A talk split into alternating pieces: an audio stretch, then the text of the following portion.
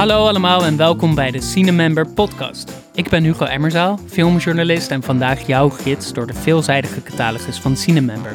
In elke aflevering hou ik in nog geen 15 minuten de keuzestress bij je weg over welke films je thuis zou kunnen kijken. En daarbij licht ik ook nog uit welke nieuwe films op het platform verschijnen. Enfant terrible, filmvernieuwer en provocateur.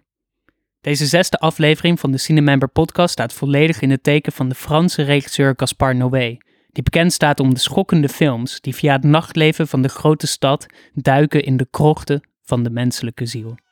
De aanleiding is dat twee van Noé's recente films, Danshorror Climax en erotisch drama Love, nieuw op Cinemember verschijnen en daar komen te staan naast een van Noé's meest beruchte films tot nu toe, de kronkelachtige wraaktriller Irreversible uit 2002. En om een goed beeld te krijgen van Noé als regisseur kunnen we denk ik het beste precies daar beginnen. Ergens in het gebied tussen Love en Irreversible.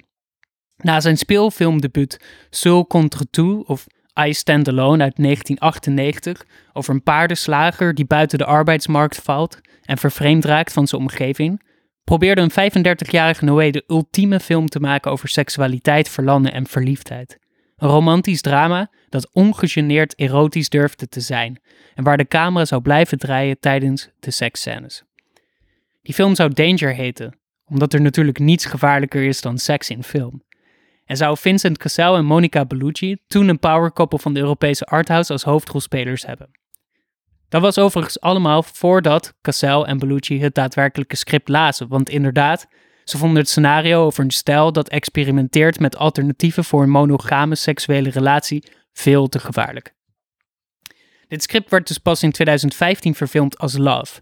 En het is voor die film dat ik Noé interviewde in de filmhallen in Amsterdam. Hij legde toen uit dat hij eind jaren 90, begin 2000 dus al wel al het geld bij elkaar had gesprokkeld voor een film en dat Vincent Cassel en Monica Bellucci hadden toegezegd.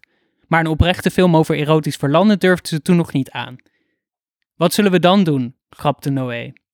Een film maken over een verkrachte vrouw en haar vriend die wraak voor haar neemt? En tot zijn verbazing stemde het acteerkoppel hier wel mee in, en zo werd Irreversible in het leven geroepen. Er zijn een paar dingen die je moet weten over Irreversible, die in 2002 in de hoofdcompetitie van Cannes in première gingen. Het eerste is dat er een langdurende verkrachtingsscène in zit waarin Monica Bellucci in een van de passagierstunnels van Parijs belaagd wordt.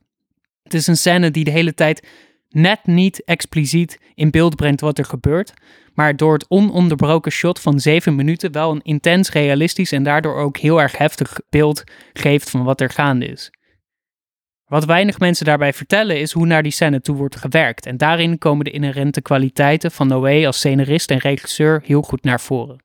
In tegenstelling tot de meeste conventionele films, die eerst de verkrachting en daarna pas de hopeloze wraakactie zouden laten zien, draait Noé hier het hele proces om. De film is vrij letterlijk verkeerd om verteld. Het scenario trapt af met de nasleep van de wraak. Buiten een gayclub in Parijs zien we hoe een man wordt weggevoerd op een brancard. En daarna pas zien we wat er in de club gebeurt. Een minstens even gruwelijke scène als die verkrachting, die heel veel mensen dus niet zien aankomen omdat die minder bekend is. Maar wat vervolgens volgt, of in de logica van de film wat er dus aan vooraf ging, zet alles weer in een totaal ander daglicht. Het is niet per se dat het een het ander rechtvaardigt, maar meer dat het een, de moord op de man, een voortvloeisel of een onderdeel van het ander is, de verkrachting van de vrouw. Deze film is in die zin een reflectie op zinloos geweld of op gefrustreerde mannelijkheid of op de menselijke aanleg voor destructie. Weerzinwekkend is het eigenlijk allemaal en dat is ook heel erg doelbewust.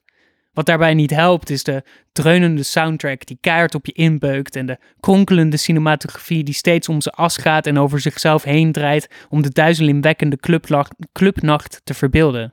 Irreversible is zo vrij letterlijk een aanslag op de zintuigen. Daardoor zeker niet de makkelijkste film om te behappen, maar wel een kijkervaring die nog heel lang zal bijblijven. Irreversible heeft de carrière van Gaspar Noé ook op de kaart gezet. Sinds deze film staat hij bekend als de enfant terrible van de nieuwe Franse cinema, waarin het lijf, seks en geweld totaal niet geschuwd wordt. Wat Noé's films daarnaast bijzonder intrigerend maken, is zijn fascinatie voor nachtclubs als filmische locaties. Zijn opvolgende film Enter the Void staat niet op Cinemember, maar kan ik ook zeker aanraden als een bijzonder kosmische trip. Die begint in een nachtclub in Tokio, waar het hoofdpersonage komt te overlijden, waarna Dean Seal door de Japanse metropool heen zweeft en reflecteert op een hedonistisch leven dat hij heeft geleid. Enter the Void is werkelijk een technisch hoogstandje en maakt Noé nog een stuk beroemder en beruchter. En met die reputatie op zak kon hij eindelijk terugkeren naar dat filmplan dat hij ooit aan Cassel en Bellucci had voorgesteld. Danger, de film die uiteindelijk Love is gaan heten en in 2015 als 3D-film in de bioscopen uitkwam. Het 3D zou je thuis niet echt missen, maar ik kan me nog wel goed herinneren hoe een frontaal geschoten ejaculatie in 3D de film zou invloog, wat een van de meest hilarische filmmomenten is geweest die ik zelf ooit heb meegemaakt. Desondanks al zijn extreme onderwerpen en zijn heftige beelden, blijkt Noé hier dan ook gewoon stiekem een hofnar van de Franse cinema te zijn, die zichzelf en zijn publiek weer niet te serieus neemt. Pointing case, wie goed zoekt, kan Noé een irreversibele in de gayclub spotten, als een masturberende man. In dat opzicht is Love wel een beetje een vreemde eend in de bijt in het oeuvre van Noé, want hij is hier misschien wel op zijn meest intiem en zijn meest oprecht. Ja, er zitten dus grapjes in over sperma in 3D, maar tegelijkertijd is dit ook een best wel straightforward portret over seksuele onzekerheid en over de vernietigende kracht van de liefde en het gebroken hart. Het is een film over sperma en tranen, zei Noé tegen me in een interview. En dat is iets wat Murphy, het hoofdpersonage van de film, een aspirerende regisseur, uh, ook probeert te maken in het leven. Een film over sperma, tranen en bloed. De heilige drie-eenheid van Noé natuurlijk. Maar in Love komt Murphy nooit verder dan sperma en tranen. Hij is mijn evenbeeld, vertelde Noé in Amsterdam. Hij draagt mijn kleren, heeft de achternaam van mijn moeder, heeft mijn postercollectie aan zijn muur en deelt zijn favoriete film met mij. 2001 A Space Odyssey van Stanley Kubrick. Of je wil weten of de films van Noé dus bij je passen, hoef je niet verder te zoeken dan Love. En als je Noé dan vervolgens op zijn meest speels en komisch wilt zien, dan ben je bij Climax aan het goede adres. De titel is binnen het oeuvre van Noé natuurlijk al een goede grap, en de film is in het echt nog veel slinkser dan dat. Climax heeft sowieso het allerbeste begin voor een film ooit. Dus zelfs als je niet into de extremiteiten van Noé bent, kan ik dat moment op zijn minst van harte aanraden. Het is 1996 in Parijs en een groep diverse jonge en knappe dansers werken met elkaar aan een extravagante danschoreografie op bombastische housemuziek. De camera doet weer van die typische Noé-trucjes, zo over zijn as draaien en rondzweven door de ruimte, maar dan nog zonder die sinistere bijsmaak die Noé's eerdere films wel typeren. Maar de grap is natuurlijk dat die sinistere bijsmaak nooit echt ver weg is in deze film. Met veel venijn introduceert Climax, na de prachtige danschoreografie dan ook, dat de sangria die geschonken wordt, gespiked is door iemand met LSD. Waardoor de choreografie eerst leek te staan voor een soort liberté, egalité, fraternité en eenheid onder de mensen, ontaard door de LSD de bijgestaande vrije dans in een soort destructief individualisme. Iedereen komt op zijn of haar eigen eilandje terecht en de sociale cohesie tussen de groep begint te vervallen. Aan het begin van de film hint Noé overigens al naar wat voor film dit gaat worden. In een close-up van de tv die de auditietapes met de danser speelt, zien we naast het televisietoestel ook allemaal videobanden liggen van films die Noé nauw aan het hart gaan. Horrorklassiekers als Suspiria, Zombie, Possession en Eraserhead.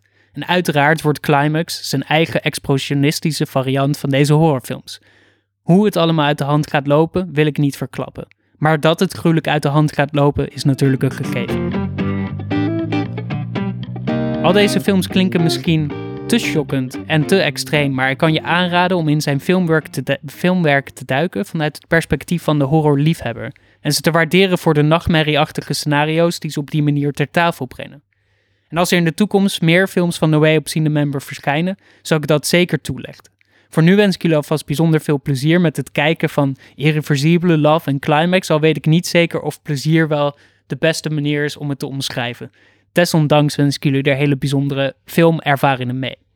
En over de andere films die deze week op het platform verschijnen, hou ik het liever even kort. Van de nog altijd bijzonder productieve Woody Allen is er zijn historische drama Wonder Wheel uit 2017 over Coney Island te New York in de jaren 50. En veel urgentere film die ik zeker ook kan aanraden is Untouchable van Ursula McFarlane. Die in deze documentaire duikt in de zaak van Harvey Weinstein en zo de nodige context geeft over machtsmisbruik en seksueel geweld in Amerika en de daaropvolgende MeToo-beweging. Daar wil ik het voor deze aflevering bij houden. Ik hoop dat jullie een beter beeld hebben gekregen van het werk van Caspar Noé. En ik hoop dat jullie je misschien laten verleiden om in zijn speelse en duistere filmwereld te duiken. Volgende week ben ik weer terug met een nieuwe aflevering waarin we het over een hele andere boeg gooien. Dus hou dat vooral ook weer in de gaten op de website of in de nieuwsbrief van Cinemember. Of natuurlijk gewoon op je favoriete podcastdienst. In de tussentijd op zoek naar meer filmtips ga dan naar cinemember.nl of cinemember.be. Op de homepage staan daar actuele tips, waaronder dus de films die ik hier behandel. En op de ontdekkenpagina kun je eenvoudig je eigen filmselecties maken. Voor nu alvast bedankt voor het luisteren. Voor straks ontzettend veel kijkplezier.